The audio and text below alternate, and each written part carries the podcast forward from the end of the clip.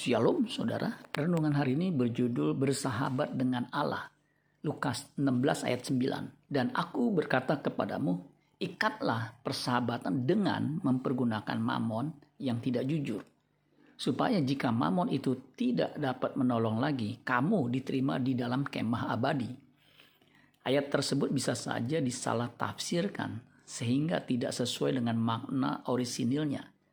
Misalnya terjemahan Alkitab yang terbuka Lukas 16 ayat 9 dikatakan begini, Aku berkata kepadamu, buatlah persahabatan dengan mamon yang tidak benar. Supaya ketika mamon itu habis, kamu akan disambut di rumah abadi. Versi Alkitab yang terbuka mengatakan buatlah persahabatan dengan mamon yang tidak benar. Tentu jika kita uji kalimat ini, maka tidak cocok dengan maksud ajaran Kristen Orang percaya tidak boleh bersahabat dengan mamon, apalagi mengabdi kepada mamon. Kita hanya boleh mengabdi kepada Allah saja. Matius 6 ayat 24. Tak seorang pun dapat mengabdi kepada dua tuan. Karena jika demikian, ia akan membenci yang seorang dan mengasihi yang lain. Atau ia akan setia kepada yang seorang dan tidak mengindahkan yang lain. Kamu tidak dapat mengabdi kepada Allah dan kepada mamon Orang percaya tidak boleh menjalin persahabatan dengan dunia dan harta kekayaan, karena itu adalah permusuhan dengan Allah.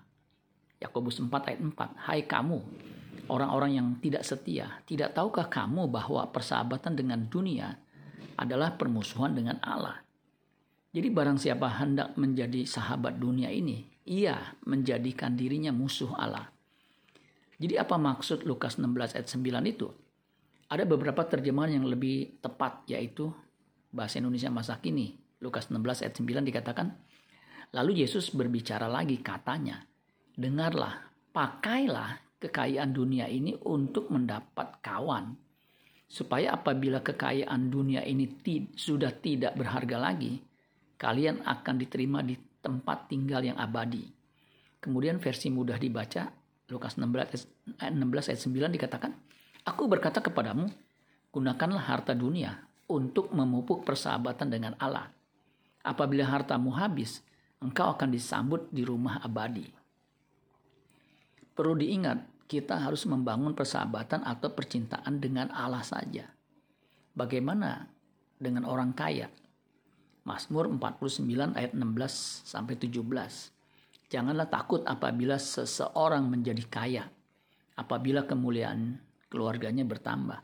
Sebab pada waktu matinya semuanya itu tidak akan dibawanya serta kemuliaannya tidak akan turun mengikuti dia. Jika kita diberkati dengan kekayaan yang berlimpah, kita tidak usah takut. Gunakanlah kekayaan itu untuk pekerjaan Tuhan agar banyak orang diselamatkan. Amin buat firman Tuhan. Tuhan Yesus memberkati. Sola Gracia.